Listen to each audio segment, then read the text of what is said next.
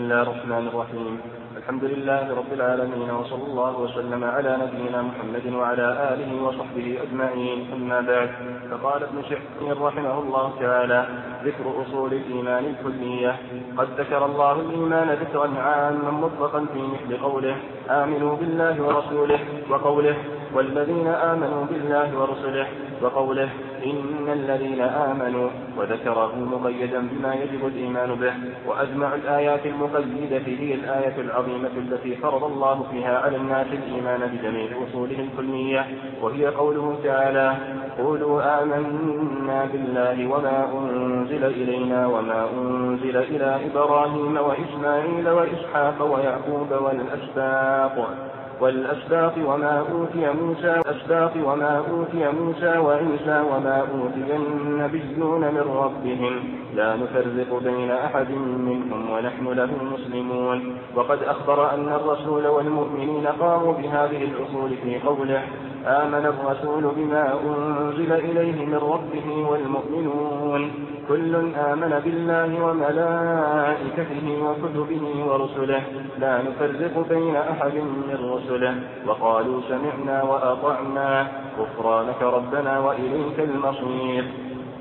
فعلى كل مؤمن أن يؤمن بالله ويدخل في الإيمان بالله ويدخل في الإيمان بالله الإيمان بكل ما وصف به نفسه أو وصفه به رسوله صلى الله عليه وسلم من صفات الكمال ونفس ضدها.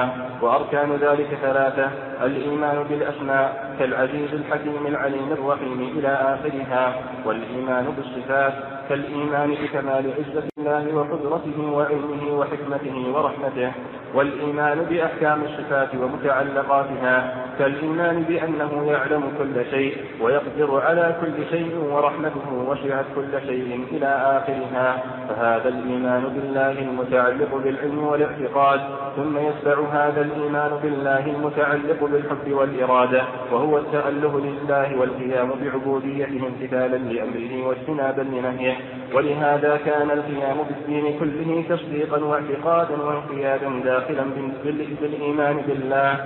وبهذا يعرف أن إطلاق الإيمان في كثير من الآيات القرآنية يشمل هذا كله لأنه رتب على المطلق من الأمر والمدح والثواب ما رتبه على المقيد. فجميع الأوصاف الجميلة داخلة في الإيمان وكذلك الإيمان التام ينفي الأخلاق الرذيلة كما قال تعالى إنما المؤمنون الذين إذا ذكر الله وجلت قلوبهم وإذا تليت عليهم آياته زادتهم إيمانا وعلى ربهم يتوكلون. الذين يقيمون الصلاة ومما رزقناهم ينفقون. أولئك هم المؤمنون حقا. لهم درجات عند ربهم ومغفرة ورزق كريم. فوصفهم بالإيمان القلبي وأعمال القلوب من التوكل والزيادة والزيادة في الإيمان وبأعمال الجوارح من إقام الصلاة وإيتاء الزكاة بالقيام بحقه وحق خلقه. وأخبر أن هؤلاء هم الذين حققوا الإيمان وأن لهم من الله المغفرة الكاملة والثواب التام وقال تعالى قد أفلح المؤمنون الذين هم في صلاتهم خاشعون. إلى أن قال أولئك هم الوارثون الذين يرثون الفردوس هم فيها خالدون.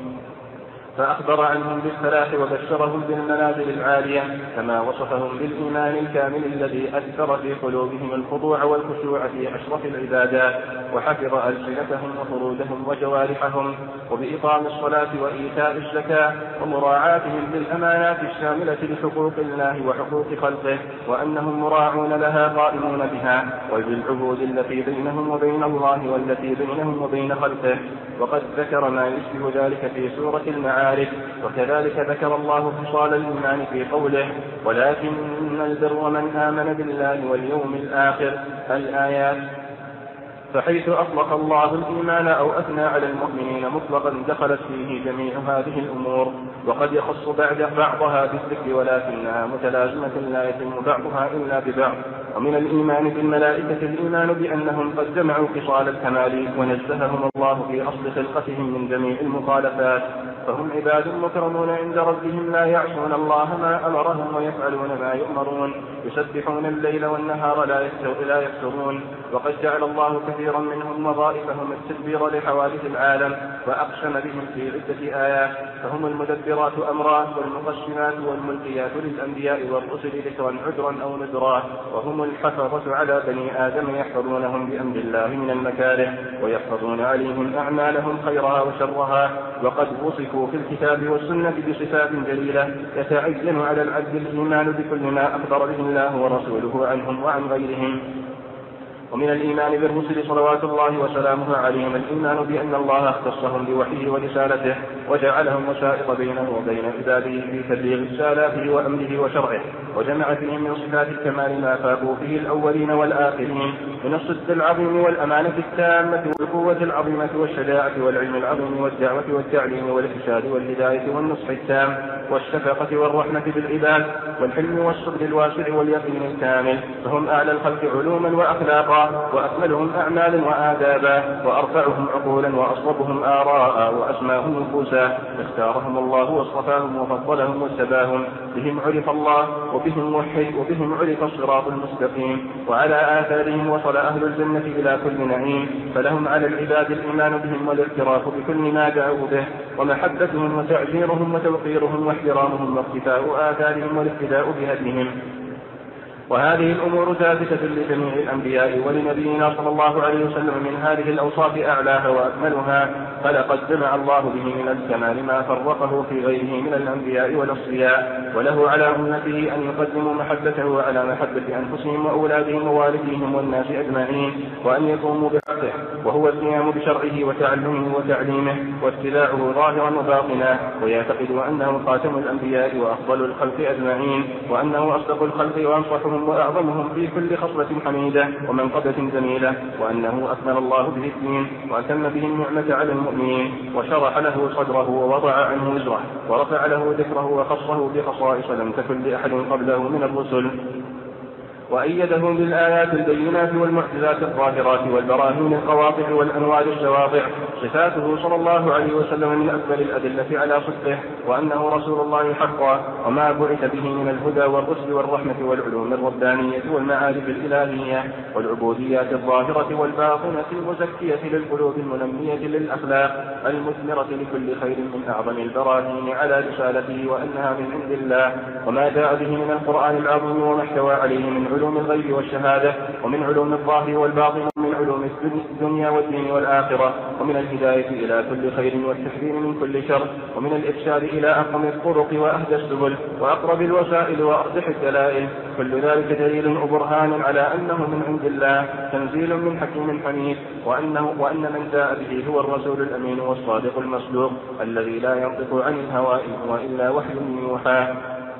ولهذا نقول ومن الإيمان بالله ورسوله الإيمان بهذا القرآن العظيم وأنه كلام الله حقيقة منزل غير مخلوق منه بدأ وإليه يعود وأنه تكلم به حقا وبلغه جبريل لمحمد صلى الله عليه وسلم وبلغه محمد صلى الله عليه وسلم لأمته فنقلته الأمة كلها بأسرها قرنا بعد قرن ولهذا كان هذا القرآن متواترا تواترا لا يقاربه شيء من الكلام المنقول وهذا من فضل الله فإنه تعالى أنزله وتكفل بحفظه ومن تمام الإيمان به التصديق التام بكل خبر أخبر به عن الله وعن المخلوقات وعن أمور الغيب وغيرها وأنه لا يمكن أن يأتي خبر صحيح ينقضه أو يرث بما يخالف الحش بل يعلم أن كل ما خالفه فإنه باطل بنفسه ومن تمام الإيمان به الإقبال على معرفة معانيه والعمل بكل ما دل عليه بالتصديق بأخباره وامتثال أوامره واجتناب نواهيه.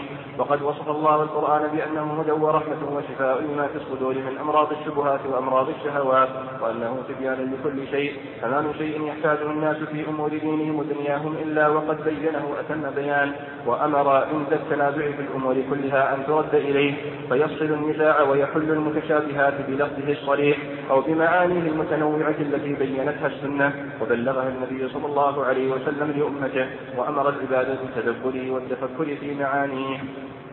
وأخبر أن أحكامه أحسن الأحكام وأخباره أصدق الأخبار ومواعظه أبدع المواعظ. فهو المبين لكل ما يحتاجه الخلق وهو المفصل لجميع العلوم. كله محكم من جهة الحكم والحكم والإتقان والانتظام وكله متشابه في حسنه وبيانه وحقه وتصديق بعضه لبعض. وبعض وبعضه محكم من من جهة التوضيح والتصريح وبعضه متشابه من جهة الإجمال والإطلاق. يجب ترجيعه ورده إلى المحكم ليتضح الأمر ويزول اللبس فيه الدليل والمدلول يحتوي على جميع الأدلة النقلية والعقلية والفطرية. قد جمع الله فيه كل خير ونفع للعباد. تقدم أن المصنف رحمه الله تعالى ضمن كتابه هذا ثلاثة أنواع من علوم القرآن. أحدها علم العقائد والتوحيد وثانيها علم الأخلاق والآداب وثالثها علم الأحكام والحلال والحرام.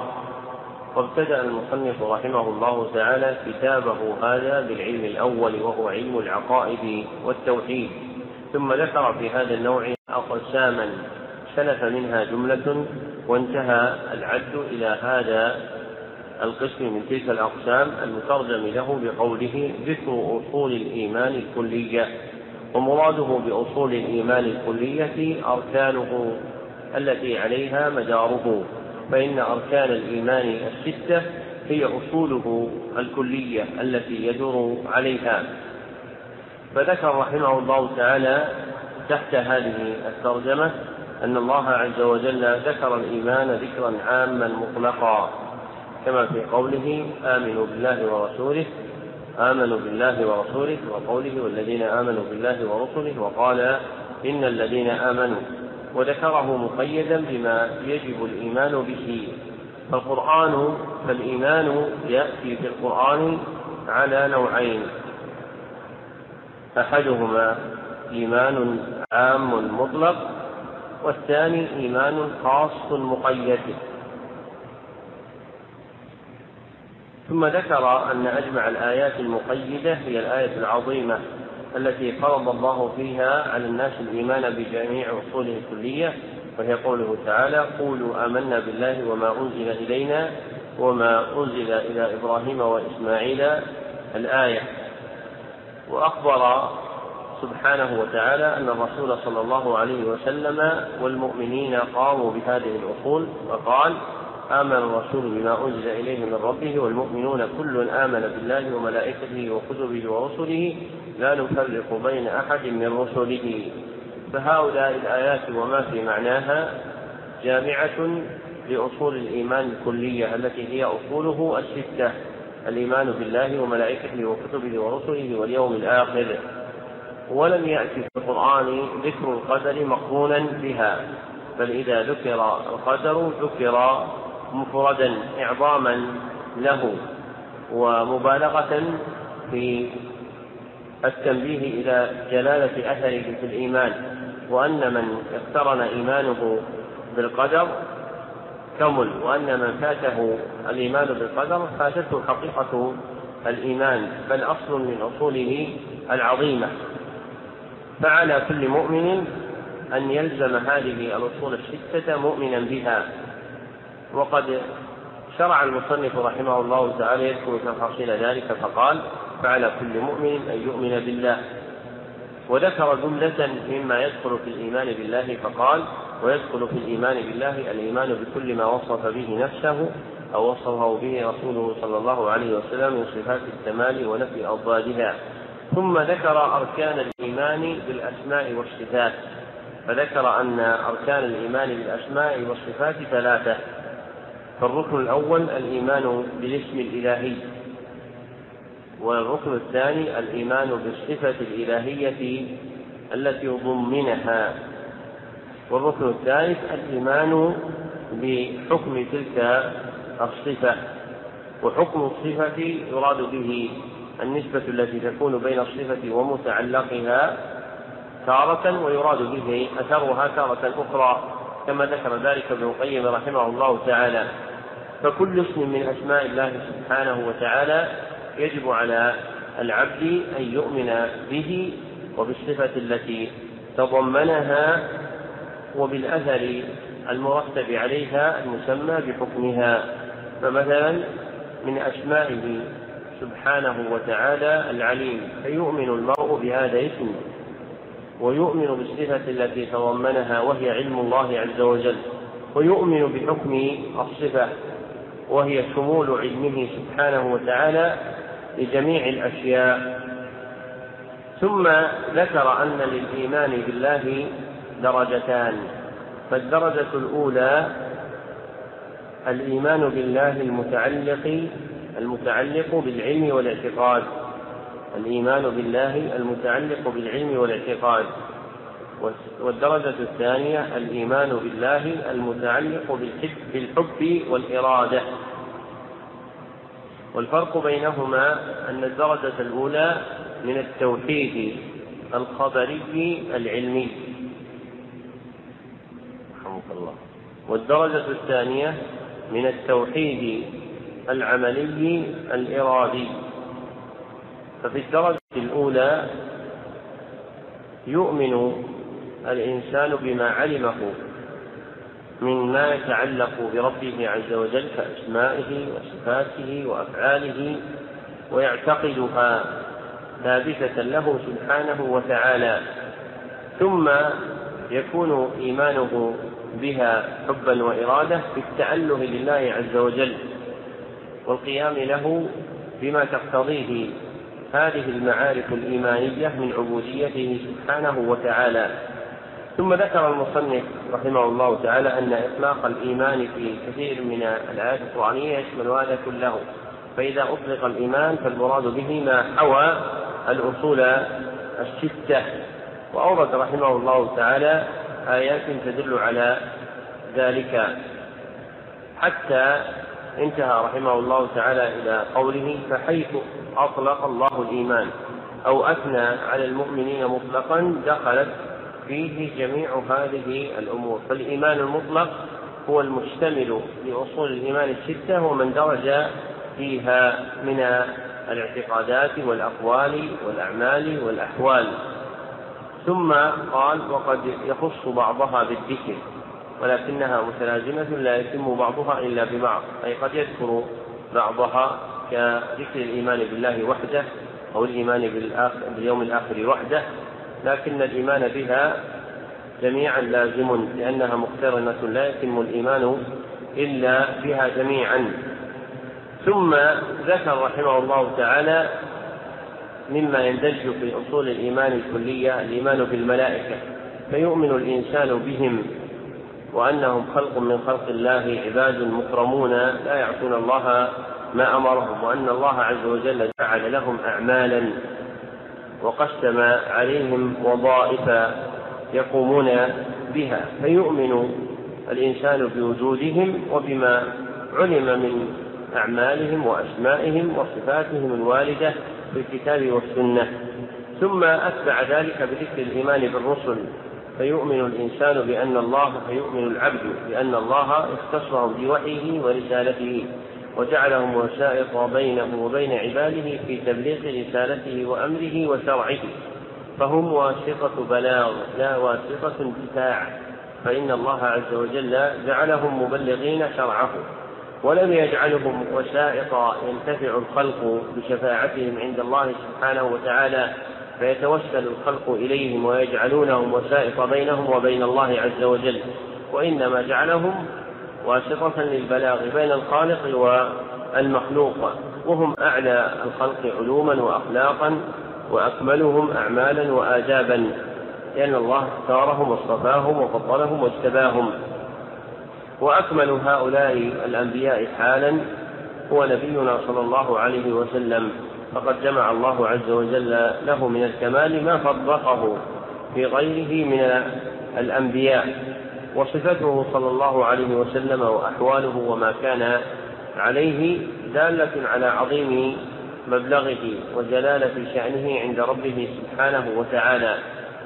ثم ذكر المصنف رحمه الله من دلائل صدق النبي صلى الله عليه وسلم أحواله التي كان عليها من كمال وما جاء به من القرآن العظيم. فإن القرآن العظيم هو أعظم دلائل نبوة النبي صلى الله عليه وسلم. كما في الصحيحين من حديث أبي هريرة رضي الله عنه أن النبي صلى الله عليه وسلم قال ما من الأنبياء نبي إلا أوتي من الآيات ما آمن على مثله البشر وإنما كان الذي أوتيته وحيا أوحاه الله إلي وإني أرجو أن أكون أكثرهم تابعا يوم القيامة فأبلغ آياته وأجل حججه صلى الله عليه وسلم هو القرآن الكريم. ثم قال المصنف بعدما تقدم ولهذا نقول ومن الإيمان بالله ورسوله الإيمان بهذا القرآن العظيم وأنه كلام الله حقيقة منزل غير مخلوق منه بدأ أي تكلم به سبحانه وتعالى. وإليه يعود أن يرفع من الصدور والسطور في آخر الزمان. تكلم الله به حقا وبلغه جبريل لمحمد صلى الله عليه وسلم وبلغه محمد صلى الله عليه وسلم لأمته فنقلته الأمة كلها قرنا بعد قرن ولهذا كان القرآن متواترا تواتر لا يقاربه شيء من الكلام المنقول فهو مستفيض مشهور لا يجهله أحد. وهذا من حفظ الله تعالى فإن الله عز وجل أنزله وتكفل بحفظه كما قال تعالى إنا نحن نزلنا الذكر وإنا له لحافظون. والكتب المتقدمة وكل الله حفظها إلى الخلق فأضاعوها وهذا الكتاب تكفل الله عز وجل بحفظه فلا يضيع. كما ذكر ذلك أبو محمد سفيان بن عيينة رحمه الله تعالى. ومن تمام الإيمان بالقرآن التصديق التام بكل خبر أخبر به عن الله وعن المخلوقات وعن أمور الغيب. فأخبار القرآن كلها صدق. ولا يمكن أن يأتي خبر صحيح يناقضها أو يرد خبر فيه بما يخالف الحس بل كل ما خالف القرآن فإنه باطل بنفسه. ومن تمام الإيمان بالقرآن الإقبال على معرفة معانيه والعمل بكل ما دل عليه في التصديق بأخباره وامتثال أوامره واجتناب نواهيه. ثم ذكر المصنف أن الله عز وجل وصف القرآن بأنه هدى بأنه هدى ورحمة وشفاء لما في الصدور من أمراض الشهوات وأمراض الشبهات وأنه تبيان لكل شيء. فما من شيء يحتاجه الناس إلا وقد جاء بيانه في القرآن بيانا تاما. ومن عيون مقيدات التراجم في كتاب فضل الإسلام لإمام الدعوة رحمه الله تعالى قوله باب الاستغناء بالكتاب عما سواه. فالقرآن الكريم كاف شاف عما سواه ولا يكفي دونه ولا يكفي غيره شيء أبدا. ثم ذكر أن الله سبحانه وتعالى أحكمه أحسن الإحكام.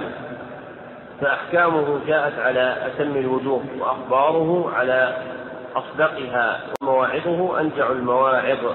فهو محكم فهو محكم تام من جهة الحكم أي ما يتضمنه من المعاني. والحكم أي ما يتضمنه من الأحكام والإتقان والانتظام فهو محكم من كل وجه وكله متشابه في حسنه وبيانه وحقه وتصديق بعضه ببعض كما قال تعالى كتابا متشابها أي يصدق بعضه بعضا. ثم ذكر أن بعضه يكون محكما من جهة التوضيح والتصريح وبعضه متشابه من جهة الإجمال والإطلاق. وتلخيص هذه الجملة التي ذكرها المصنف رحمه الله تعالى أن القرآن يوصف بالإحكام والتشابه من جهتين. الجهة الأولى جهة عامة مطلقة فالإحكام له الإتقان والتشابه له تصديق بعضه بعضا. فهو متقن يصدق بعضه بعضا. والجهة الثانية جهة خاصة مقيدة فيكون بعضه محكما وبعضه متشابها. ولهذه الجهة مرتبتان. الأولى الإحكام والتشابه. المتعلق بخطاب الطلب.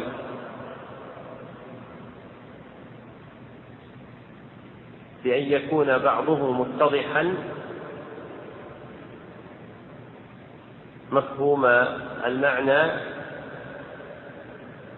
وبعضه غير متضح لا يفهم معناه. والمرتبة الثانية ما متعلقه الحكم الخبري.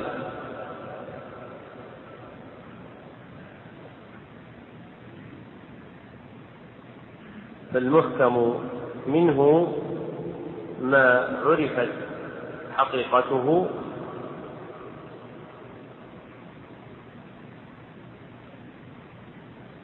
والمتشابه ما استأثر الله منه بعلمه.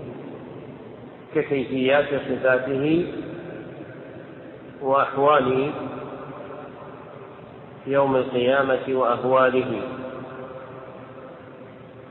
فالإحكام والتشابه يرد إلى هذين المعنيين وما ذكرناه في خفاء معناه إنما يكون بالنسبة لبعض الأمة دون بعض. وليس في القرآن شيء لا تعرف الأمة كلها معناه بل يكون معناه ظاهرا لقوم منهم وخافيا على قوم آخرين. وهذا آخر البيان على هذه الجمل من الكتاب بالله التوفيق الحمد لله رب العالمين.